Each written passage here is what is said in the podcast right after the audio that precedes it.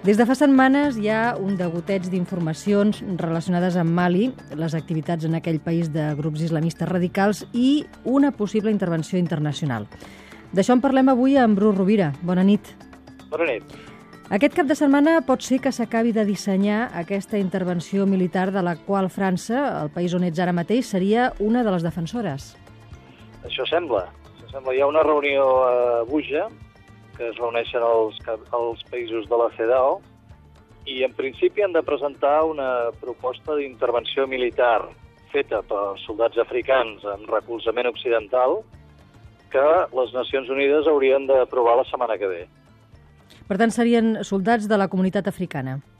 Serien, es calcula, uns 4.000 soldats de la comunitat africana, de la Unió Africana, i després, eh, clar, òbviament rebarien diners i logística, eh, recolzament eh, de tot d'espionatge, etc., del, dels països occidentals, sobretot França, evidentment. En alguna d'aquestes notícies a les que feia referència al principi es deia que potser sí que s'hi enviarien efectius militars fins i tot espanyols. Això és cert? No, això és un tema que, està, que ha de decidir al final el Consell de Seguretat, però jo, jo penso que de moment està la cosa molt, molt estranya també, perquè al mateix temps que hi ha una voluntat de guerra, també hi ha, uh, paral·lelament, s'està fent una negociació, no? I aquesta negociació hi participa sobretot Algèria, que és el país més fort de la regió, i que és contrari a la intervenció militar, no? I aquesta setmana passada hi ha hagut negociacions amb el grup Ansar Dine, que és el grup eh, islamista radical però tuareg, eh? i aquesta gent han començat a fer ja converses. És a dir, que hi ha un escenari una mica estrany perquè per un costat hi ha la CEDAW que vol, eh, recolzant, diguéssim, el govern de Mali que no vol la partició, i aquí es prepara una intervenció militar, i per l'altre costat hi ha Algèria i el món Tuareg, inclòs el grup laic, aquest que va venir de Líbia, que estan per fer una negociació i per salvar l'autonomia tuareg. No? Perquè, segons Algèria, tot això seria una excusa i l'objectiu real seria frustrar aquesta independència tuareg.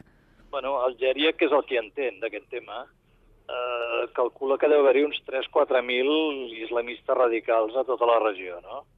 I com que ells tenen una gran amistat també amb el món del tuareg, doncs ells preferirien eh, fer un, diguéssim, un plantejament de lluita antiterrorista però de recolzament polític en, a, en els grups Tuareg. No? Una intervenció militar significa una guerra, no? i en aquesta guerra està poc definit quina posició tindrà el govern de Mali respecte al, al país, a la, la unitat del país, no?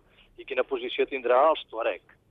Com, com sabem, aquí el, el que va passar és que després de la guerra de Líbia, el, els grups tuaregs laics van arribar amb armes i es va crear la independència i en aquesta guerra hi van lluitar també els grups radicals islamistes. No? En una segona etapa, els grups islamistes van expulsar els laics, que en aquest moment estan a les fronteres amb, amb el país, i van proclamar una guerra santa.